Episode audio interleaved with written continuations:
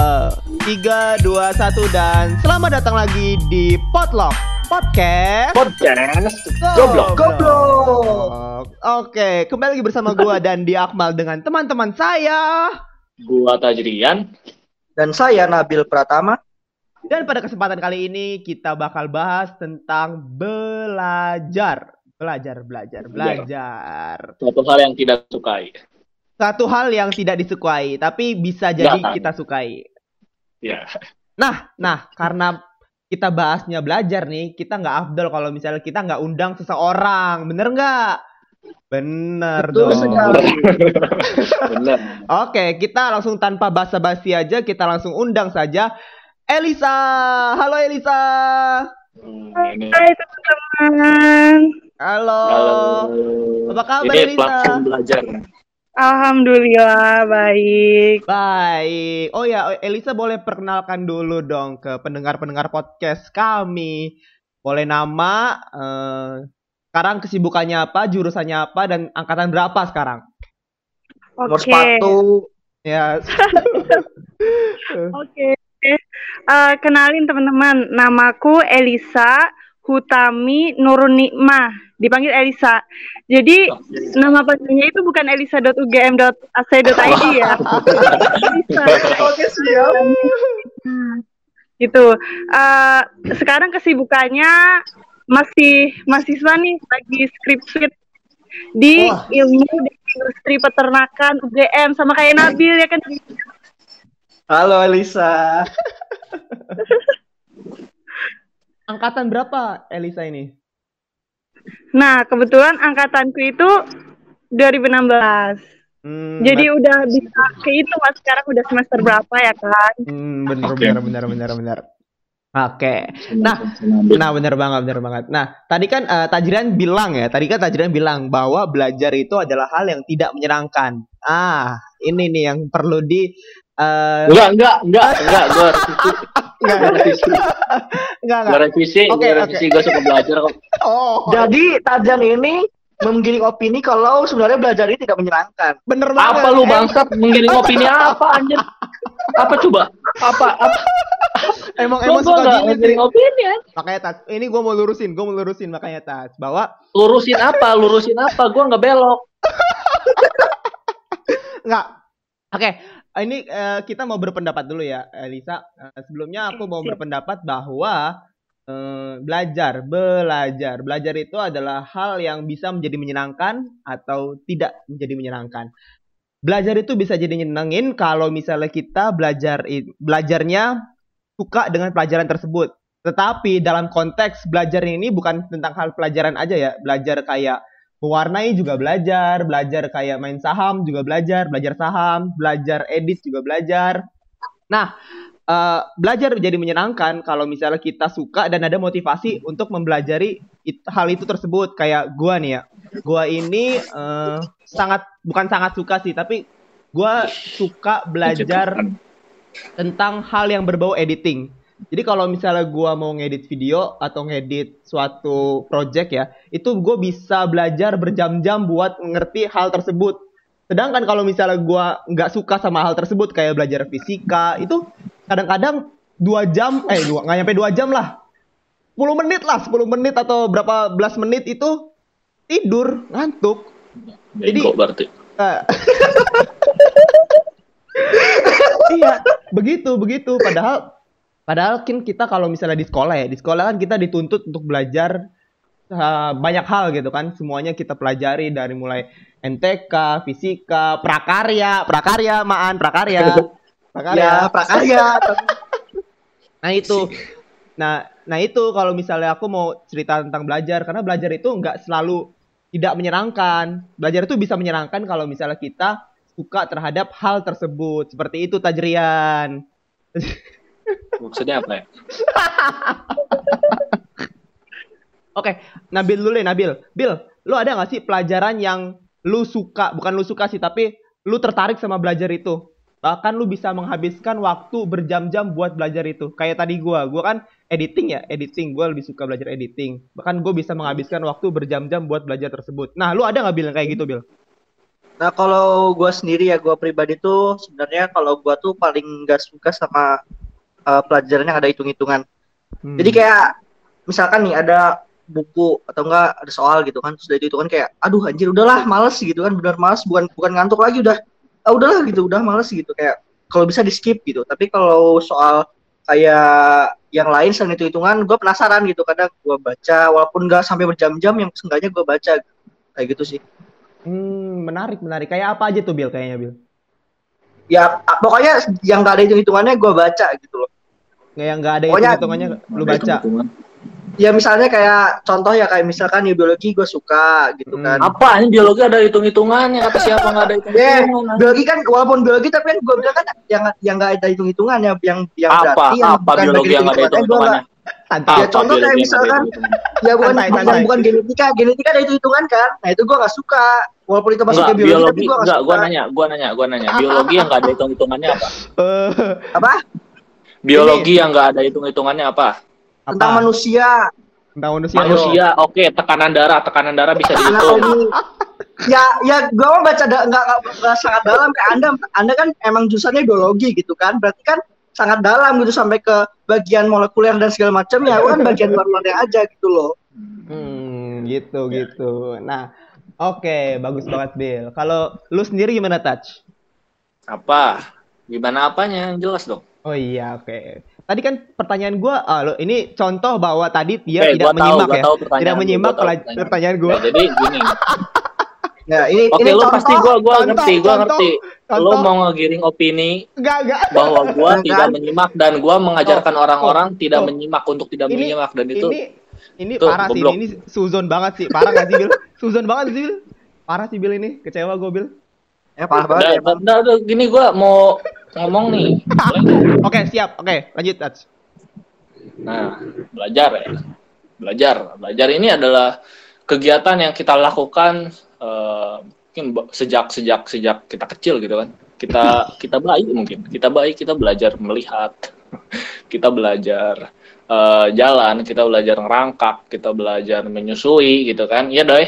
Kita Apa? belajar kita belajar eh, kemudian kita belajar berbicara. Sebenarnya belajar ini adalah kegiatan yang memang tidak ada hentinya gitu. Hmm.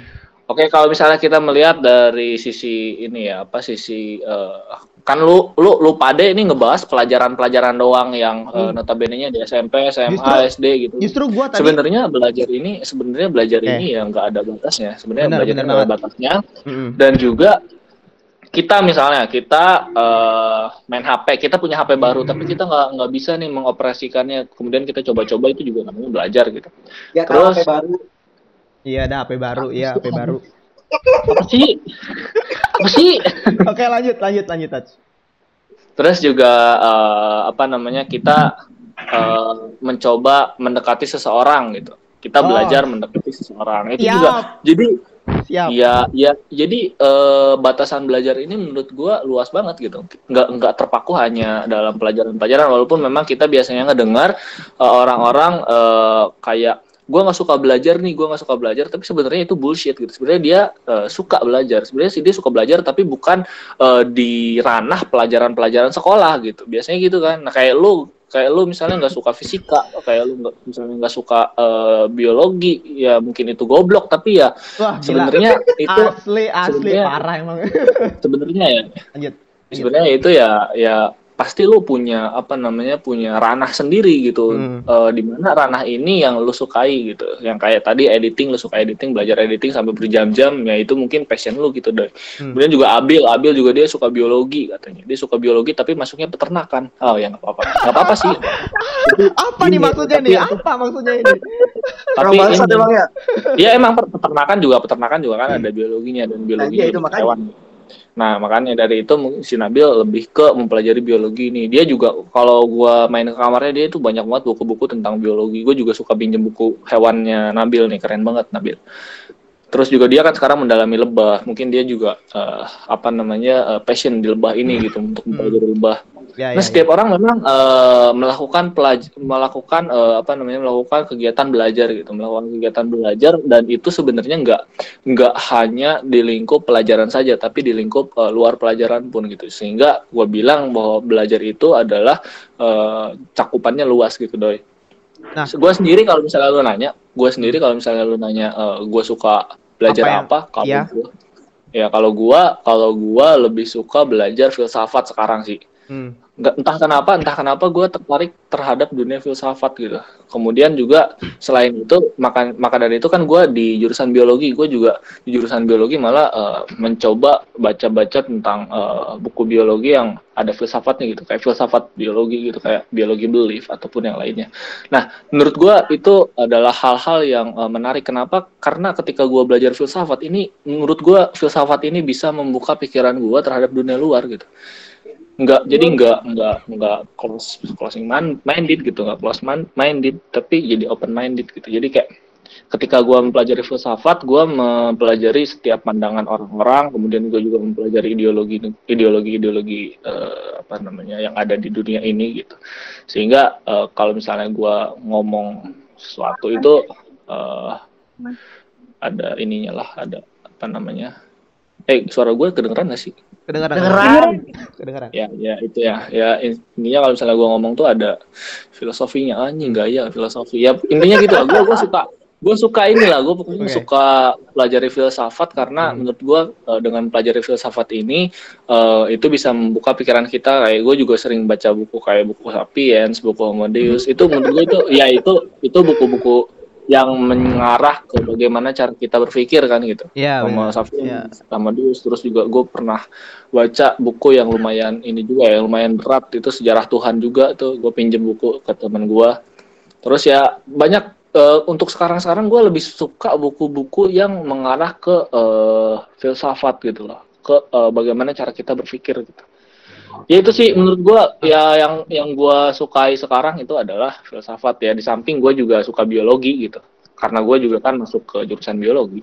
Hmm. Oke, oke Tas, gue potong dikit ya. Tadi kan eh, lu sempat singgung bahwa eh, belajar, ah nggak suka belajar nih, gue gue malas belajar nih. Ah itu semua bullshit. Nah, coba eh, tolong bisa jelasin nggak kenapa eh, lu bisa bilang kalau misalnya itu bullshit? Padahal kan kalau misalnya kita tidak passion di hal tersebut, eh, wajar dong kalau misalnya kita bilang ah nggak, malas ah, malas ah gue belajar, ah malas ah gue belajar. Ah gitu. Iya, iya. Maksudnya gini, maksudnya Hmm. gue bilang bullshit itu adalah Hmm. kalau misalnya kalau misalnya nih kayak tadi, kayak tadi, kayak tadi Hmm. gue bilang kan gue nggak suka belajar gitu. Hmm. Ya itu Hmm. bullshit gitu. Karena eh, ketika gue bilang gue nggak suka belajar, Hmm. sebenarnya yang gue nggak suka itu hanya satu pelajaran aja gitu. Hmm. Tapi gue belajar hal-hal yang lain gitu. Karena manusia ini untuk apa ya? Untuk memahami lingkungannya itu harus belajar gitu. Iya kan? Iya, kita benar-benar. beradaptasi dengan lingkungan, kita harus belajar. Ketika misalnya nih, gue pindah ke lingkungan yang baru, kayak misalnya dari eh, dari rumah gue, gue Hmm. pindah ke Jogja untuk kuliah. Nah itu kan gue harus belajar beradaptasi, belajar mengerti orang-orang kayak gimana. Walaupun mungkin di samping itu gue nggak suka biologi misalnya Hmm.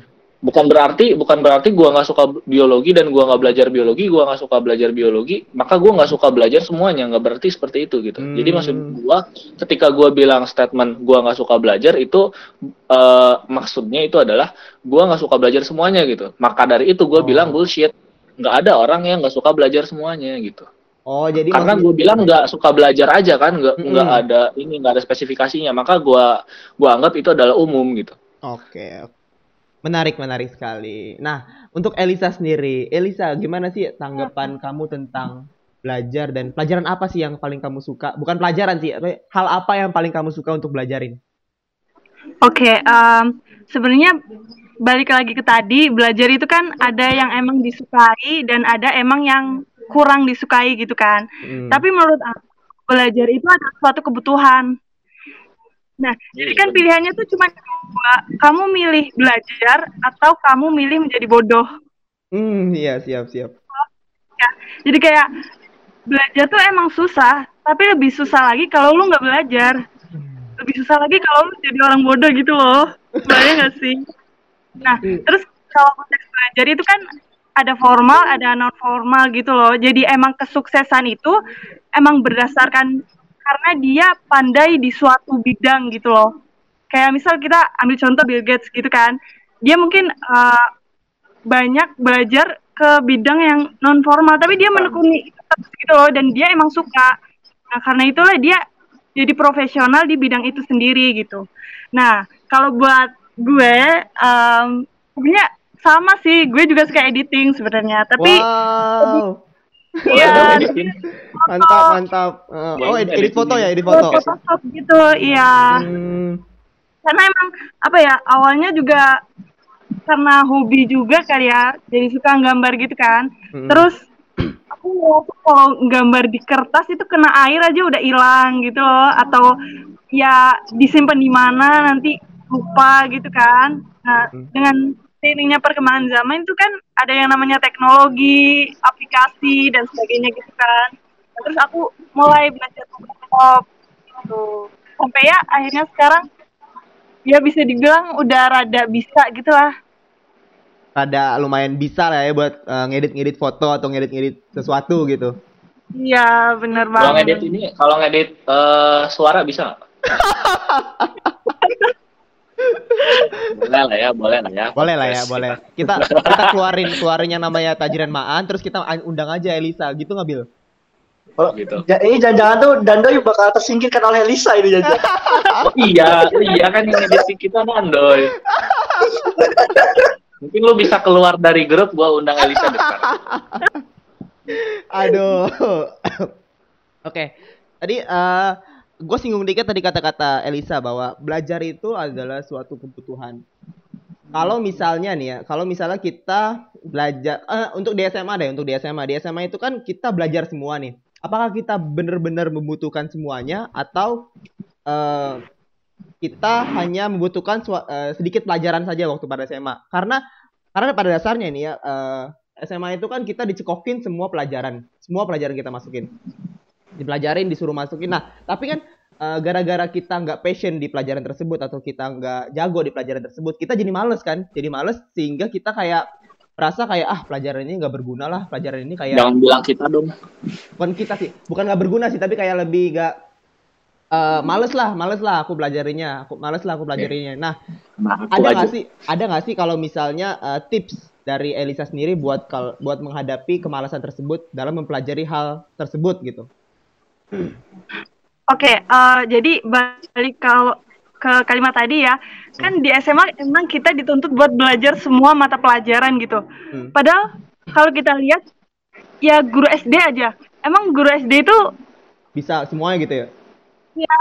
Hmm. Apalagi guru SMP, guru SMA, kan mereka cuman kayak ngajarin satu pelajaran, satu dua pelajaran gitu loh. Kenapa hmm. kita harus dituntut bisa semuanya gitu kan? Hmm, nah, masalahnya di sini ya kita semua pasti bakal jadi orang tua kan hmm. iya nggak iya benar banget ya, benar banget ya, kan?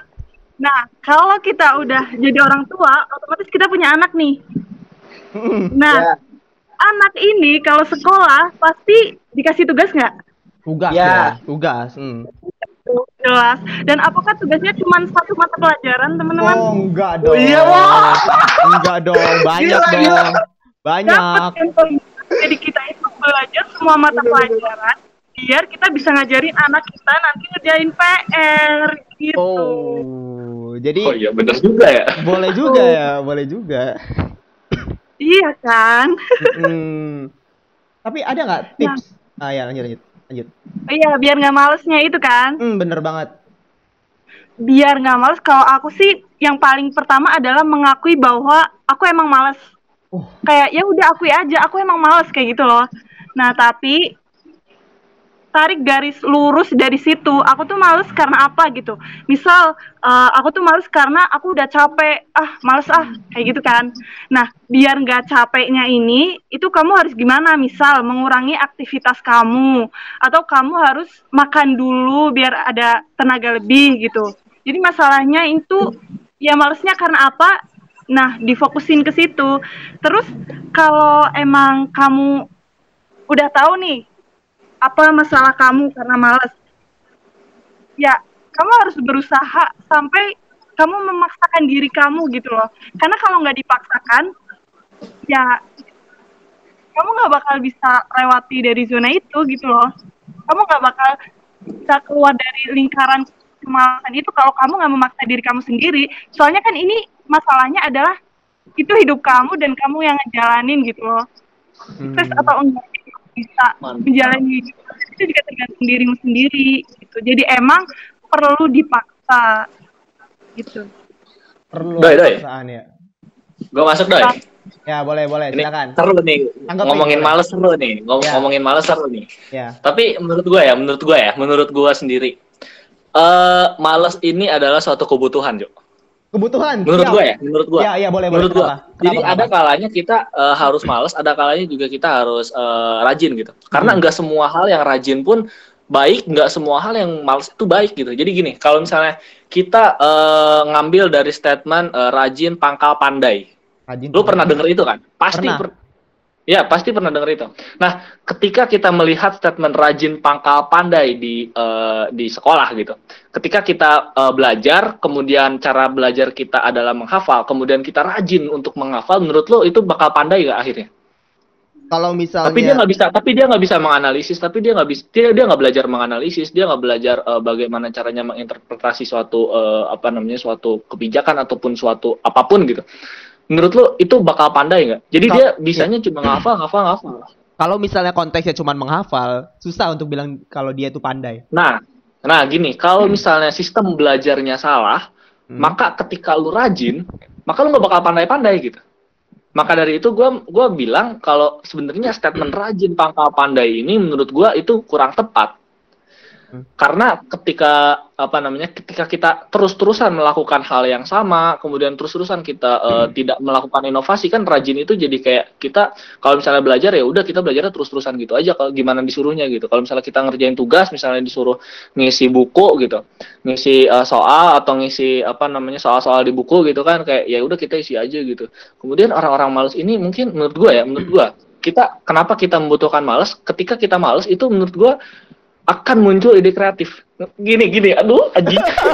ini ini ini menarik, ini menarik. Oke. bener-bener Gini, Boleh gini. lanjutin, boleh Ketika lanjutin. gini, Ya, ya, boleh, ketika boleh. kita malas, Hmm. ketika kita malas, eh mungkin eh, gimana orangnya juga sih, gimana orangnya. Kalau misalnya orang Ya, yang ya. kreatif, mungkin ini bisa menemukan suatu eh, apa namanya suatu eh, perubahan, suatu eh, terobosan baru. Gini, Doi, lu pernah mikir gak sih, Doi? Apa? eh, orang yang nyiptain eh, remote TV itu sebenarnya kenapa sih?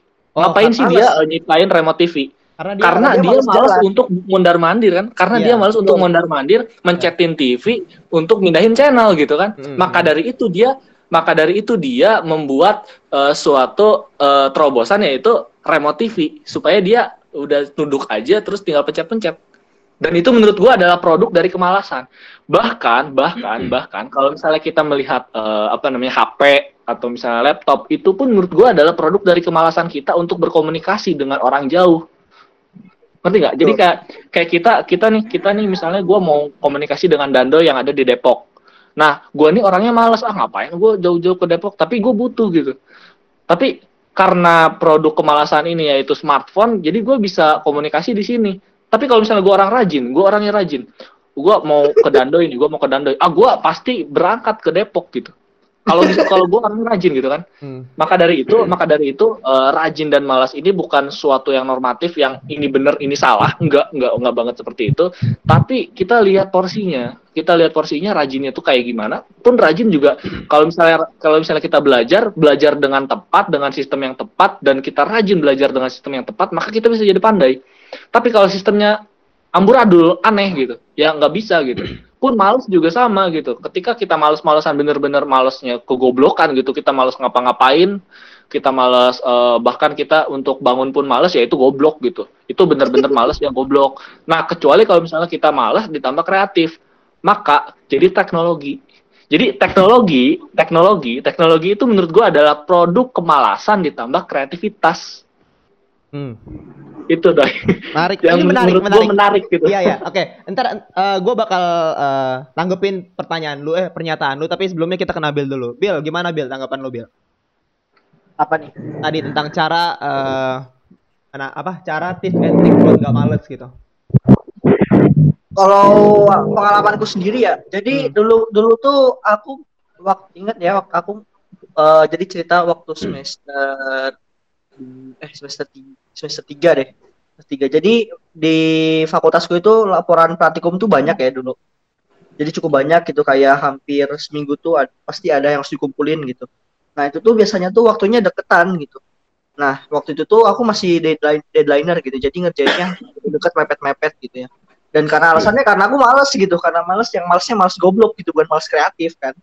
Nah jadi eh, udah gitu karena awal-awal mulanya karena eh, mungkin karena ada power of kepepet gitu ya, karena deadlineer gitu. Jadi kan mungkin ngerjainnya cepat gitu. Tapi aku pikir-pikir setelah aku menjalani deadlineer itu cukup lama gitu ya, hampir berapa semester ya kurang lebih sampai semester lima deh kayaknya Sampai semester lima itu deadlineer aku mulai ngerasain efek itu kok eh, gimana caranya biar biar ini ya biar tenang gitu biar gak biar nggak apa gerusa gerusu nggak kepepet kayak gini harus ngerja, harus ngerjain sampai tengah malam dan nggak tidur tidur waktu jam tidur berkurang gitu kan.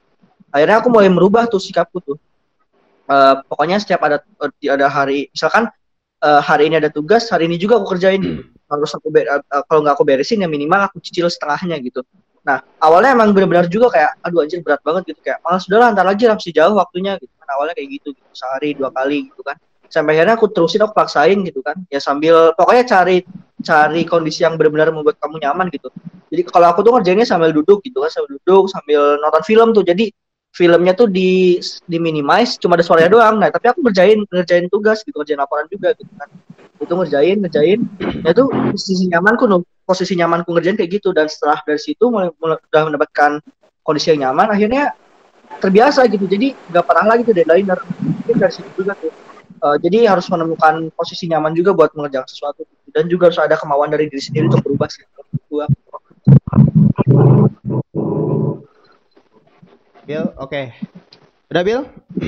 udah Oke. Baik. Nah, nih, Man, eh, Touch, gue mau tadi mau nanggepin pertanyaan pernyataan lo. Mungkin. Iya, gue mau nambahin pernyataan gue dong. Oke, oke. gue oke. mau nanggepin Tambahin pernyataan dulu. Nabil dulu. Nah, Oh, gitu. ya, tambahin, tambahin dulu. silakan, silakan, nggak apa. Ya, jadi jadi gini, deadlineer ya. Deadlineer ini menurut gue adalah eh, produk dari kemalasan juga gitu kan. Karena kita males nyicil, jadi kita deadlineer. Tapi menurut gue orang yang deadlineer itu adalah orang yang sangat-sangat efisien. Oke, oke, ini Bener, menarik banget, bener, ini menarik bener. banget. Oke, kenapa, Bener, kenapa? Bener, Kenapa, Cuk. Jadi kenapa? gini, ah, misalnya kita ngelihat dari orang malas dan rajin ya. Orang orang rajin misalnya adalah orang yang suka nyicil, suka nyicil eh, laporan kayak tadi Nabil nih. Hmm. Dia misalnya dia suka nyicil laporan dari misalnya laporan nih deadline-nya satu minggu lagi, Hmm. dia nyicil dari hari hari satu, kedua, ketiga, keempat, kelima, keenam, ketujuh dia nyicil satu dikit-dikit gitu.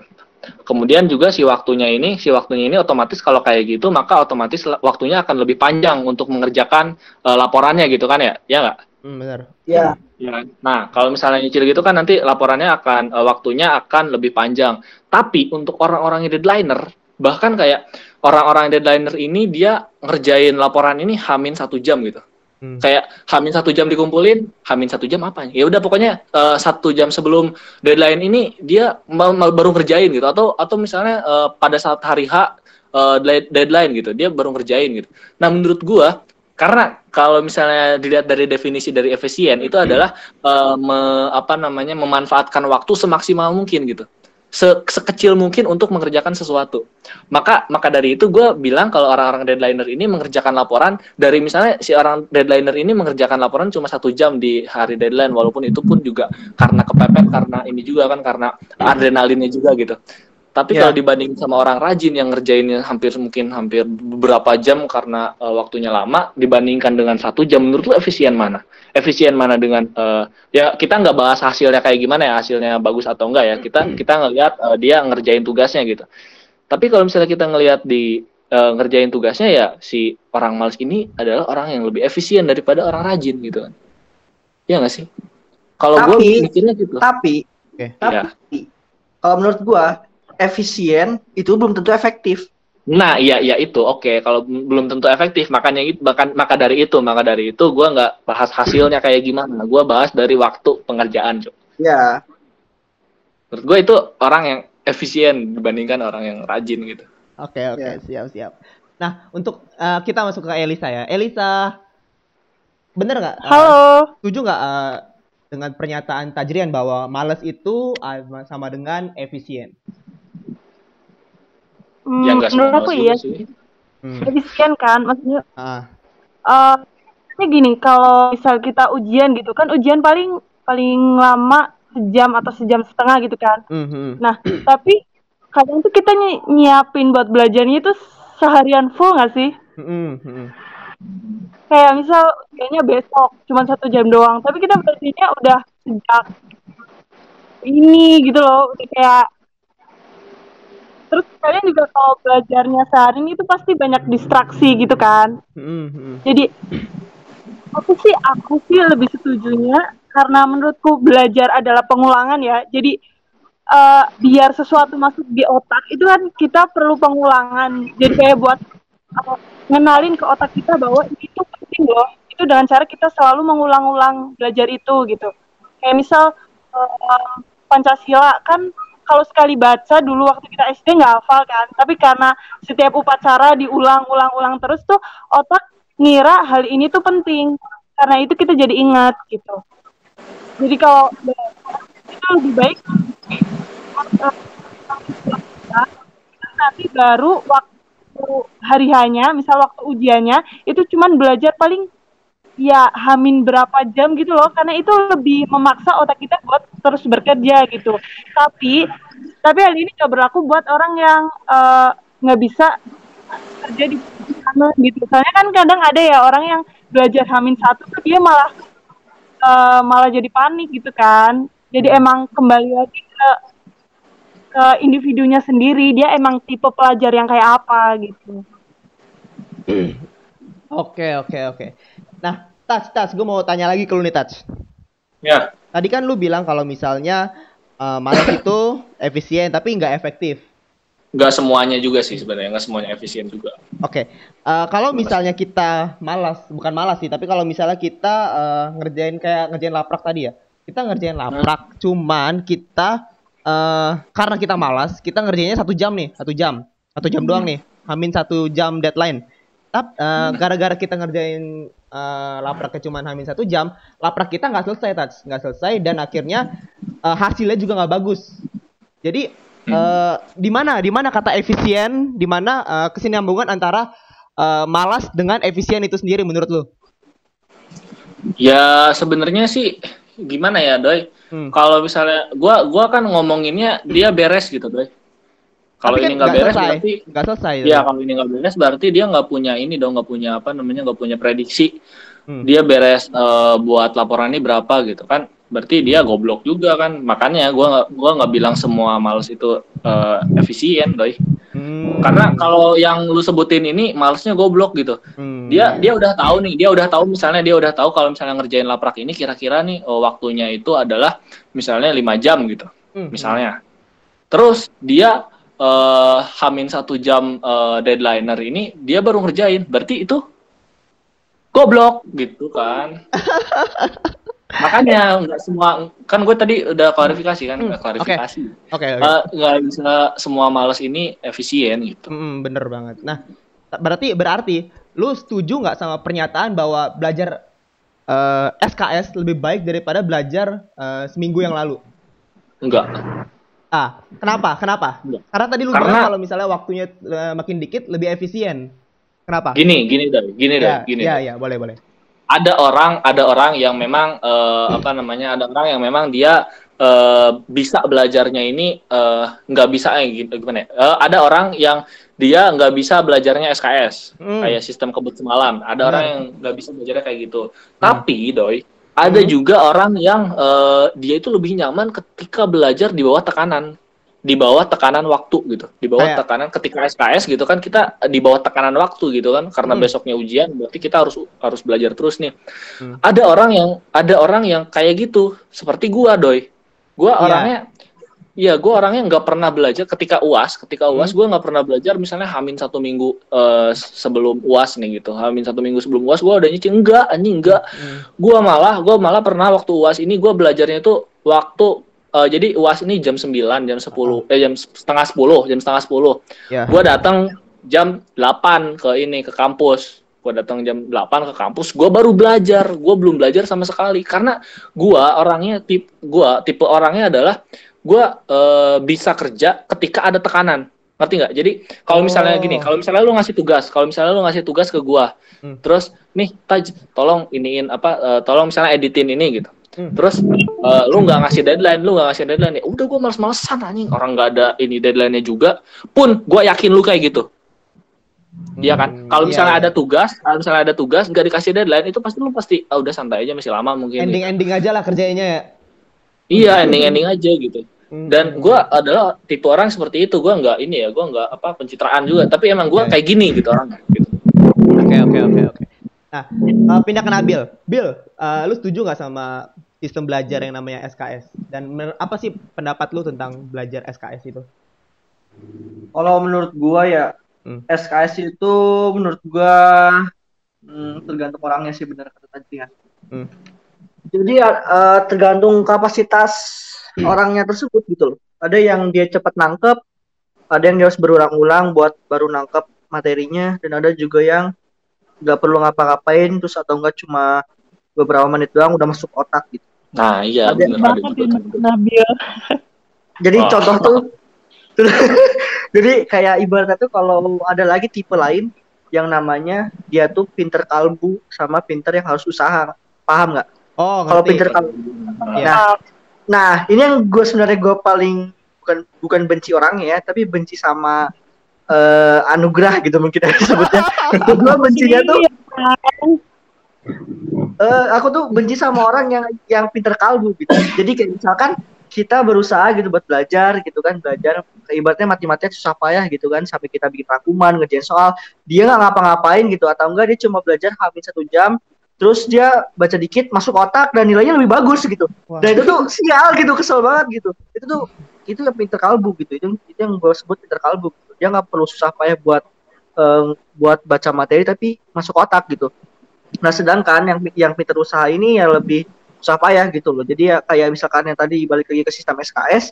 Nah, menurut gua yang SKS ini ya mungkin lebih cocok ke yang pinter kalbu gitu. Kayak dia coba baca sebentar doang gitu, nggak perlu eh, semalam atau nggak nggak perlu semalam dia pun kayaknya cuma kayak hamil 15 menit dia baca doang gitu udah masuk ke otak gitu. Terus ingat semua gitu, semua yang materi-materi dulu dia, dia masuk kuliah atau masuk ma- atau waktu di sekolah atau apa pun dia baca benar udah langsung kembali apa memorinya kembali gitu loh. Oh, ini soal yang ini oh ini materi tentang ini keluar semua di otaknya gitu jadi pas ngerjain soal oh, inget oh ini ini ini, ini. Beda lah sama yang pintar yang usaha gitu nah, dia harus eh, baca-baca lagi segala macam itu sih menurut gua. Ah, oke oke. Oke, untuk Elisa sendiri gimana tanggapan lu tentang belajar SKS ini? Eh, menurut gue ya kurang lebih emang sistem SKS ini tuh tergantung orangnya kayak gimana sih ya kan.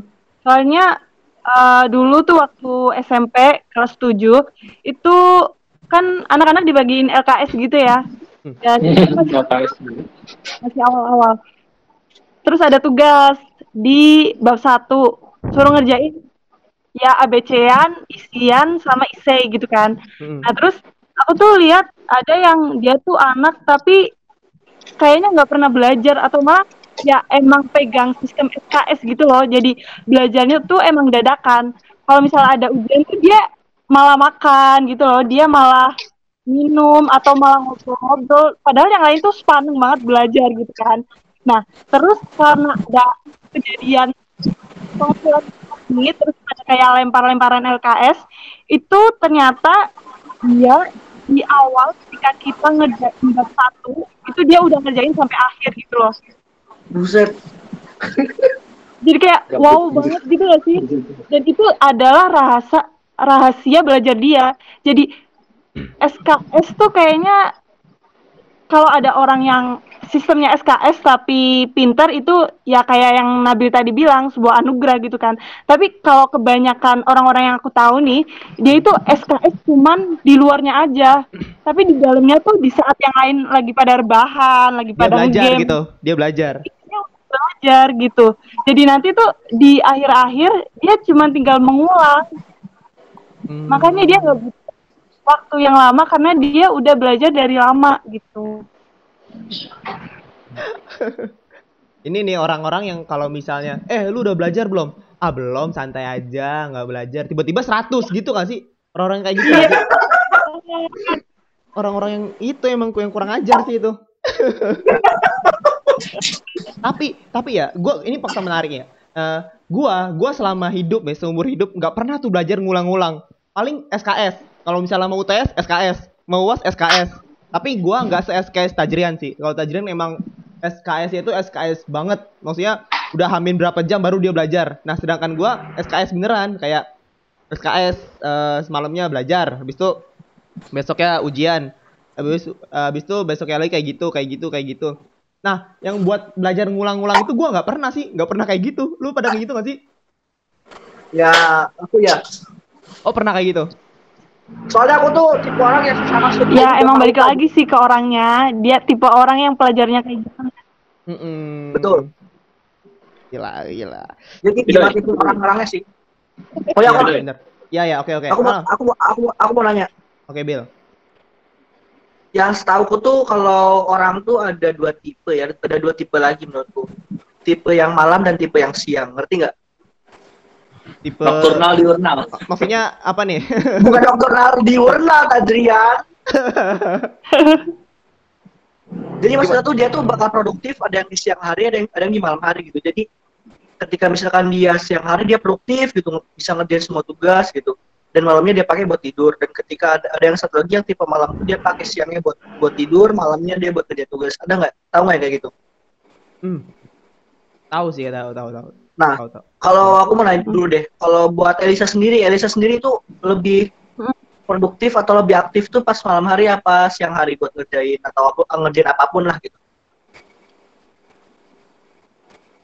Eh, kalau aku tuh kalau malam tidurnya cepet sih aku asli. Jadi emang nggak bisa ngerjain malam-malam. Oh, Tapi emang eh, tapi emang belajar itu kan kalau aku ya, kalau aku tuh baiknya pagi-pagi karena apa? Karena kita Hmm. masih fokus, masih bisa fokus. Kalau kita belajar siang-siang kan udah lapar ya, udah capek, udah diajakin temen nonton dan sebagainya, nongkrong-nongkrong gitu. Itu tuh Hmm. pikiran kita jadi nggak fokus.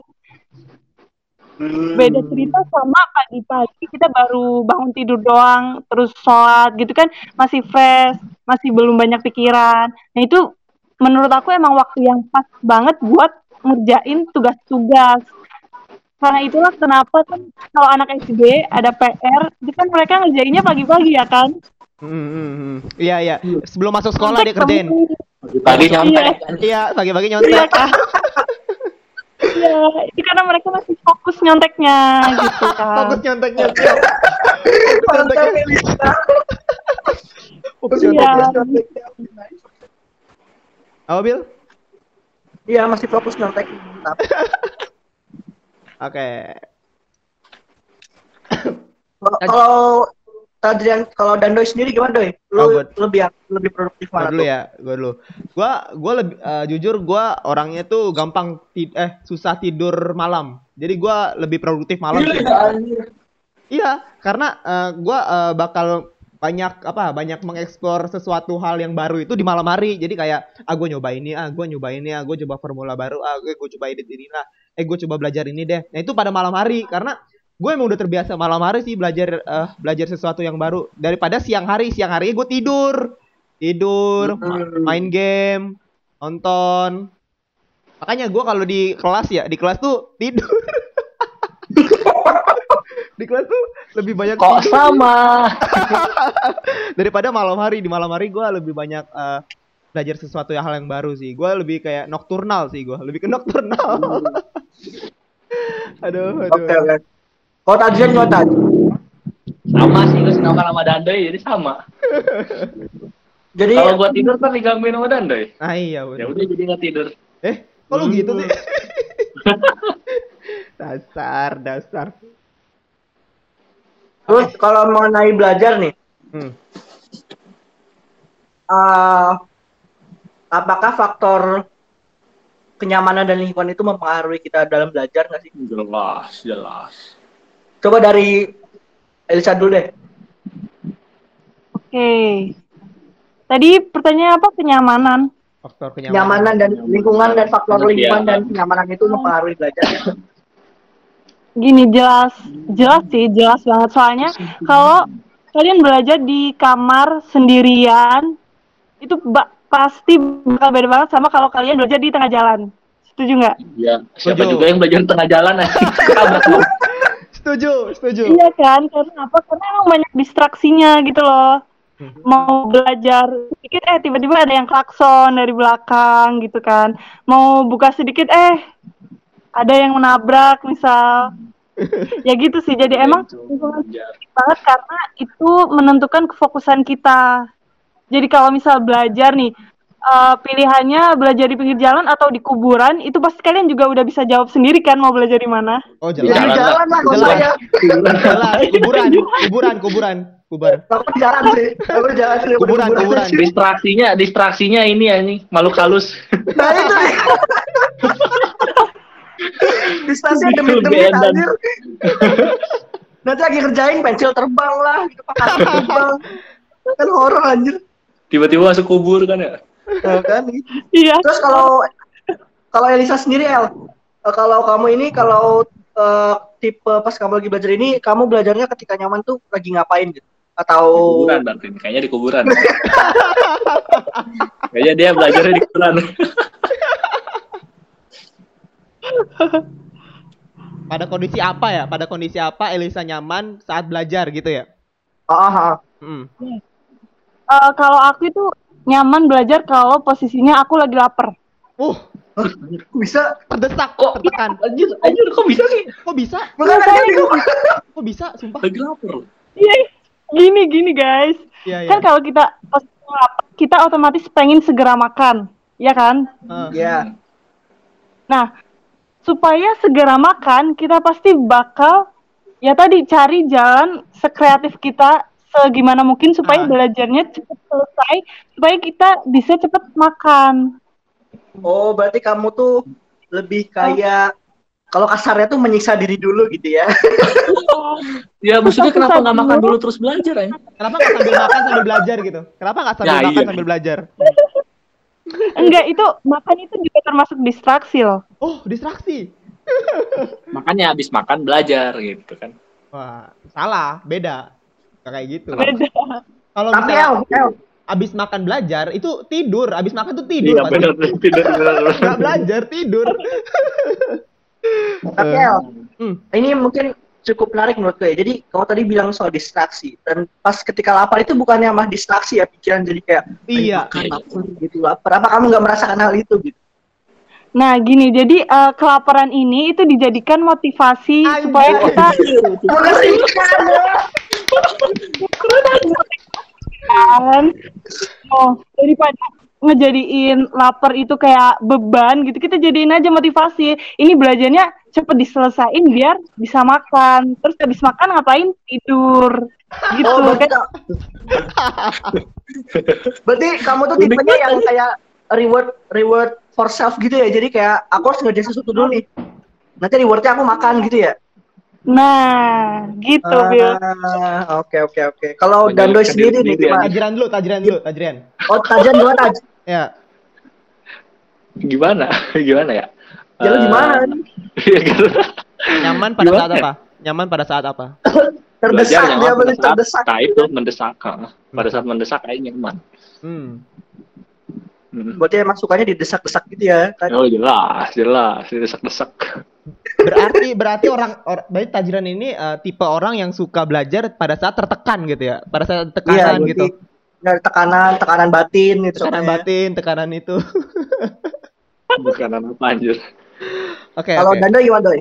Oke, kalau gua eh, gua pasti bakal ngisi perut dulu lah. Nggak nggak bisa gua belajar sambil eh, Sama, sama, sama. Bisa juga. sambil apa? Sambil puasa eh puasa sambil lapar gitu. Kayak puasa kemarin kan gua tuh puasa belajar siang tuh susah banget, susah banget belajar siang. Paling belajar itu Hmm. malam, malam, malam. Belajar emang. Eh, enggak sih, enggak juga sih. nah, gua gua bakal nyaman eh, belajar pada saat gua ada minuman favorit gua, itu sih. Oke, mau tahu minuman favorit saya? Mau tahu minuman favorit Apa? saya? Enggak, enggak usah, enggak usah, enggak usah. Jadi ada Apa, sesu- ada sesuatu yang bikin gua eh, pada saat gua belajar, gua nyaman. Jadi kayak eh, minuman, minuman favorit gua misalnya atau eh, something yang bisa bikin gua nyaman. Nah, itu yang Oh bikin lu gua nyaman. mabok-mabok ya sambil kerjain ya? Bukan, bukan, bukan. Ngaku lu anjir, parah Bukan, banget anjir. emang. mungkin uh, Tajiran tahu ya minuman favorit gua pada saat uh, di sama iya. Nah itu itu soalnya kalau misalnya gua ada belajar sambil ada minuman itu, gua makin apa ya, makin fokus gitu karena ya iya beda beda itu kan, beda cara, beda orang, beda cara juga kan.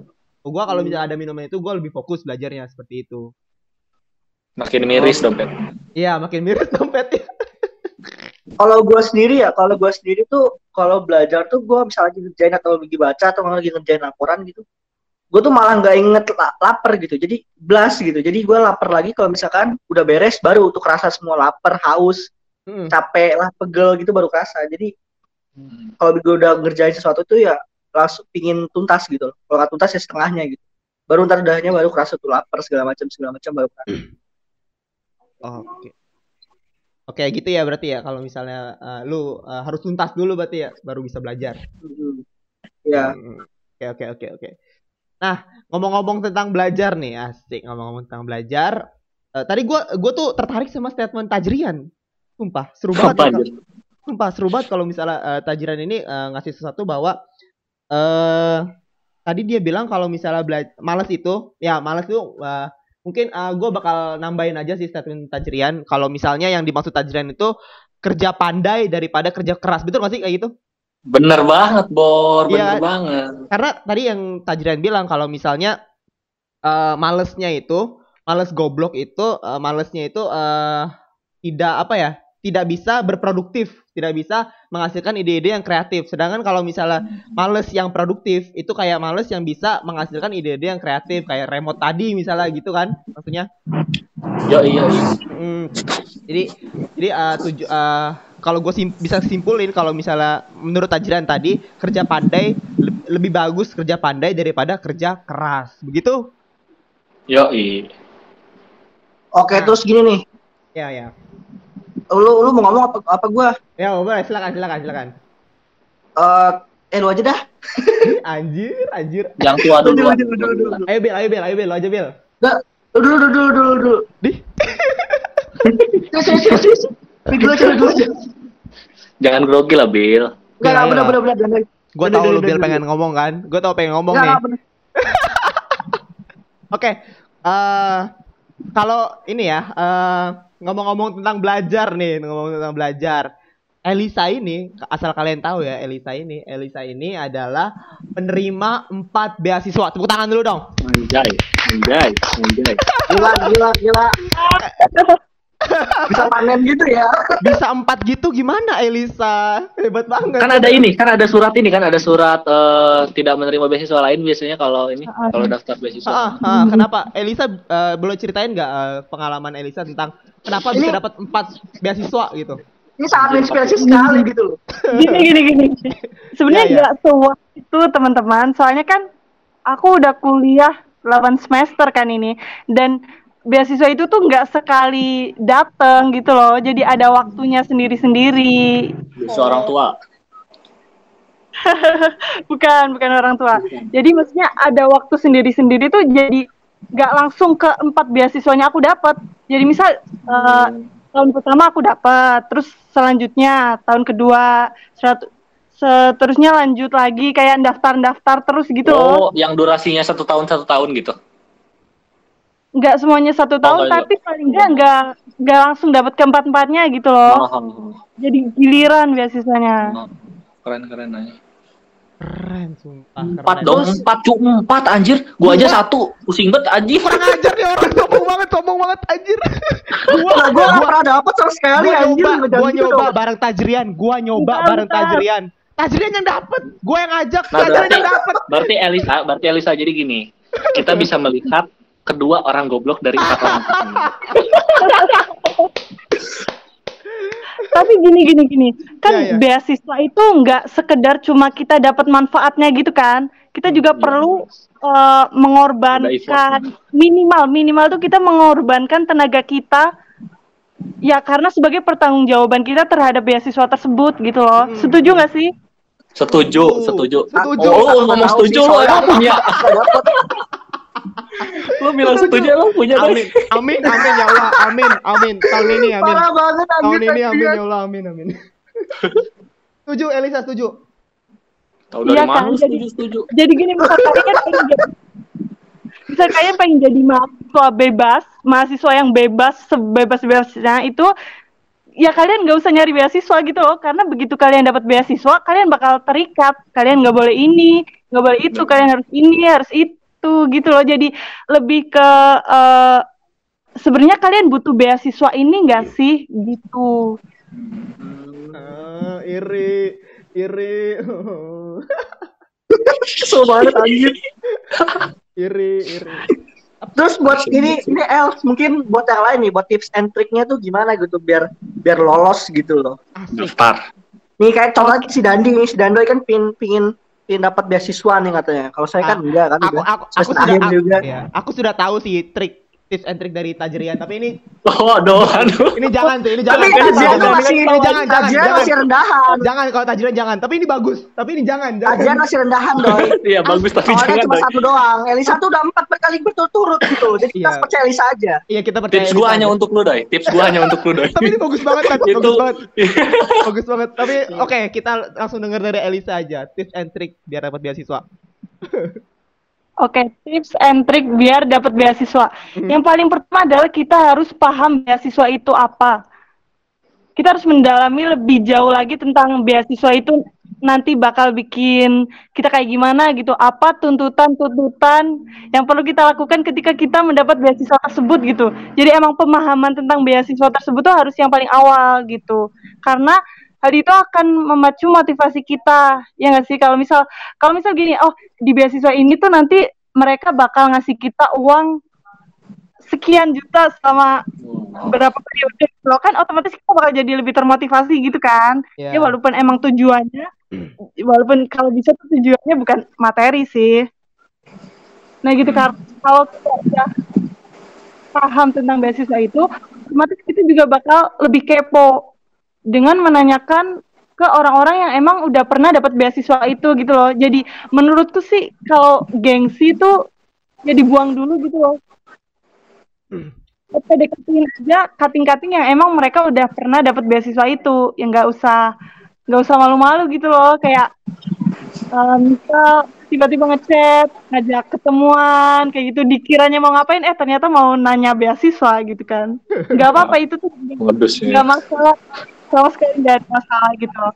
Nah setelah kalian udah lebih paham lagi tentang beasiswa itu, ya jelas kalian harus uh, berlatih gitu. Soalnya kan setiap itu uh, pasti ada tahapan seleksinya gitu kan. Seleksi wawancara, seleksi tulis, Hmm. Wawancara latihan, Doi. jadi gitu. Ya. Astagfirullahaladzim ya, ya lanjut lanjut, lanjut. Nah itu kan harus, ya emang harus dipelajari. Jadi kayak wawancara, eh pertanyaannya apa aja sih? Terus kira-kira jawaban ini bagusnya kayak gimana? Gila gitu sih, kan. gila. Jawaban jawaban yang bentuknya pencitraan tuh Gila kayak gimana sih, bagusnya gitu. Gila gila bener banget sih bener banget ya lanjut El Iya kan kita harus branding diri kita sebaik mungkin. Bahkan kadang tuh kalau pertanyaan menjebak itu tentang apa kelemahanmu gitu loh. Kalian bakal jawab apa coba?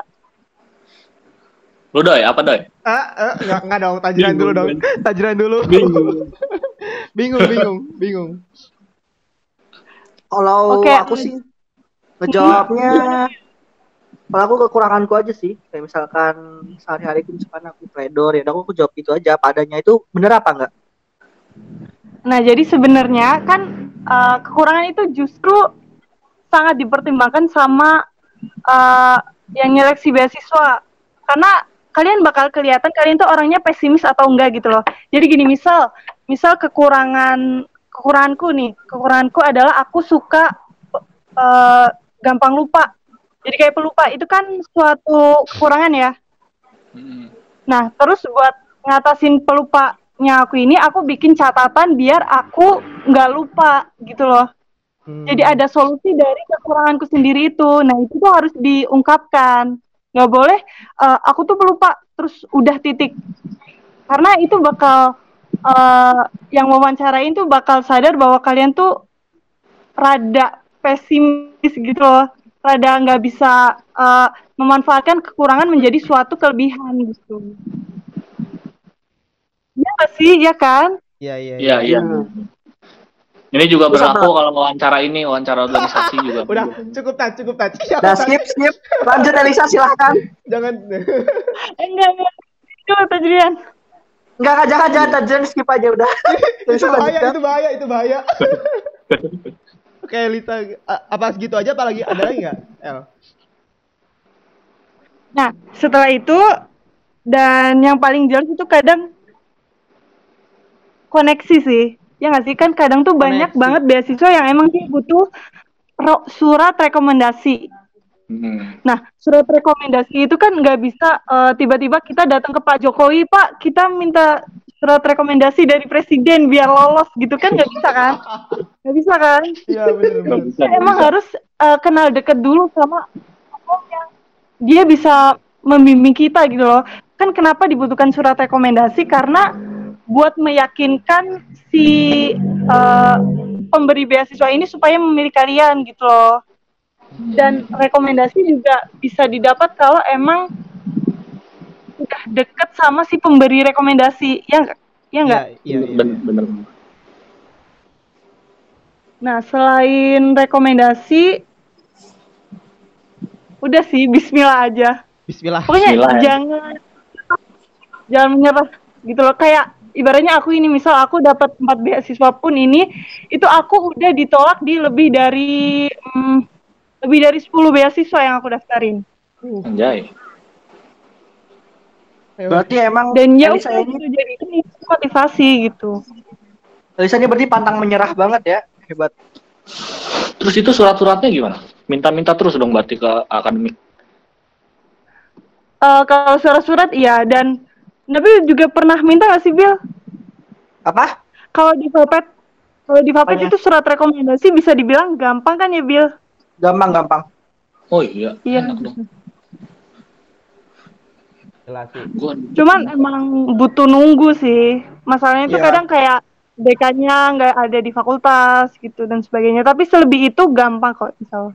Iya. Hmm. Mungkin mungkin fakultas Anda aja Taj yang agak-agak. Oh, sehari jadi bisa di Makanya pindah fakultas aja. Waduh, waduh. SBM lagi dong. UTBK lagi dong. Kalau di Vapet tuh paling lama berapa lama Els? Kalau setahuku sih kayak tiga, tiga hari, tapi tergantung sama dekannya sih. Kalau dekannya ada di hari itu juga, bisa jadi juga hari itu juga. Anjir satu hari bos. Tapi tapi nggak tahu tuh kalau Elisa gimana Els? Eh, kan yang tanda tangan itu kalau di Vapet Pak Budi ya di wakil dekannya. Nah itu tuh Ya. kadang aku pernah juga minta tanda tangan beliau, tapi beliau emang ada di luar negeri. Ya karena orang sibuk jadi di luar negeri gitu kan. Itu tanda tangannya bisa diwakilin kok. Ya jadi itu. jadi ya intinya sih fakultas nggak bakal mempersulit. Fakultas siapa dulu? Kalau fakultas bener banget. Bener banget. gitu. Bener banget. Siapa? daftar ke fakultas peternakan UGM. Tidak aja, tidak aja, tidak. Sekalian promosi ini sekalian promosi. Promosi, promosi. Oke. Mantep banget Elisa, keren banget tadi tips and triknya sama tadi pendapat-pendapatnya. Nah, kita langsung masuk aja ke closing statement. Sebelumnya ke Nabil dulu deh, closing statement dari Nabil.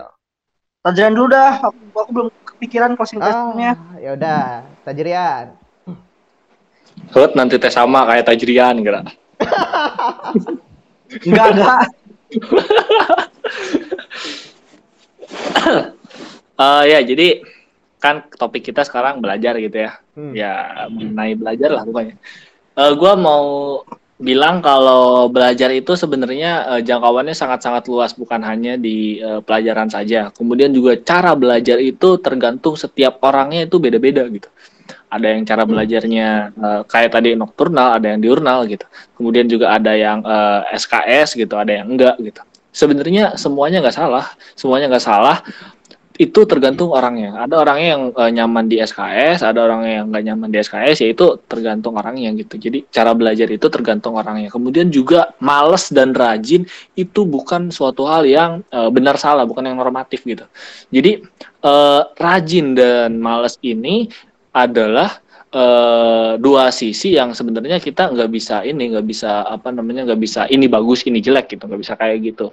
Dan keduanya pun itu ada sisi positif dan negatifnya. Tergantung kitanya juga gitu. Nah maka dari itu eh, uh, ya intinya kita belajar cobalah kita dengan cara kita sendiri. Jangan kita mengikuti orang lain dan kita buat lingkungan yang nyaman untuk kita belajar sehingga kita bisa efektif belajarnya gitu. Oke itu aja. Mantap oke dari Nabil sendiri gimana Bil closing statement lo oke kalau aku gini. Eh uh, uh, jangan berhenti ketika lelah tapi berhentilah ketika sudah selesai. Udah siap. Lebih ke kayak ini ya apa? Kata-kata mutiara statement gitu ya. Oke okay. untuk Elisa sendiri gimana Elisa closing statementnya?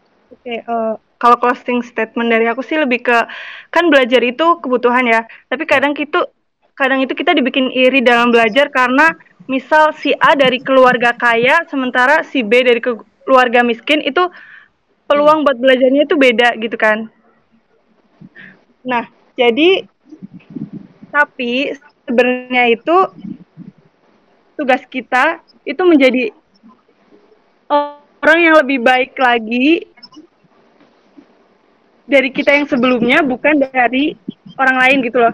Jadi setiap orang punya level belajarnya masing-masing dan ya udah belajar aja terus nanti juga kamu bakal menjadi lebih baik dari diri kamu yang kemarin gitu sih.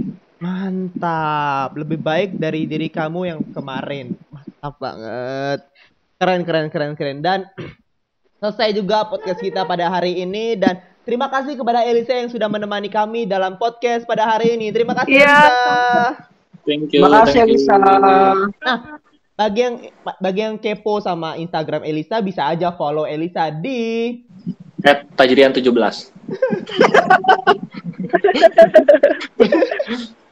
di di di di Elisa Hutami.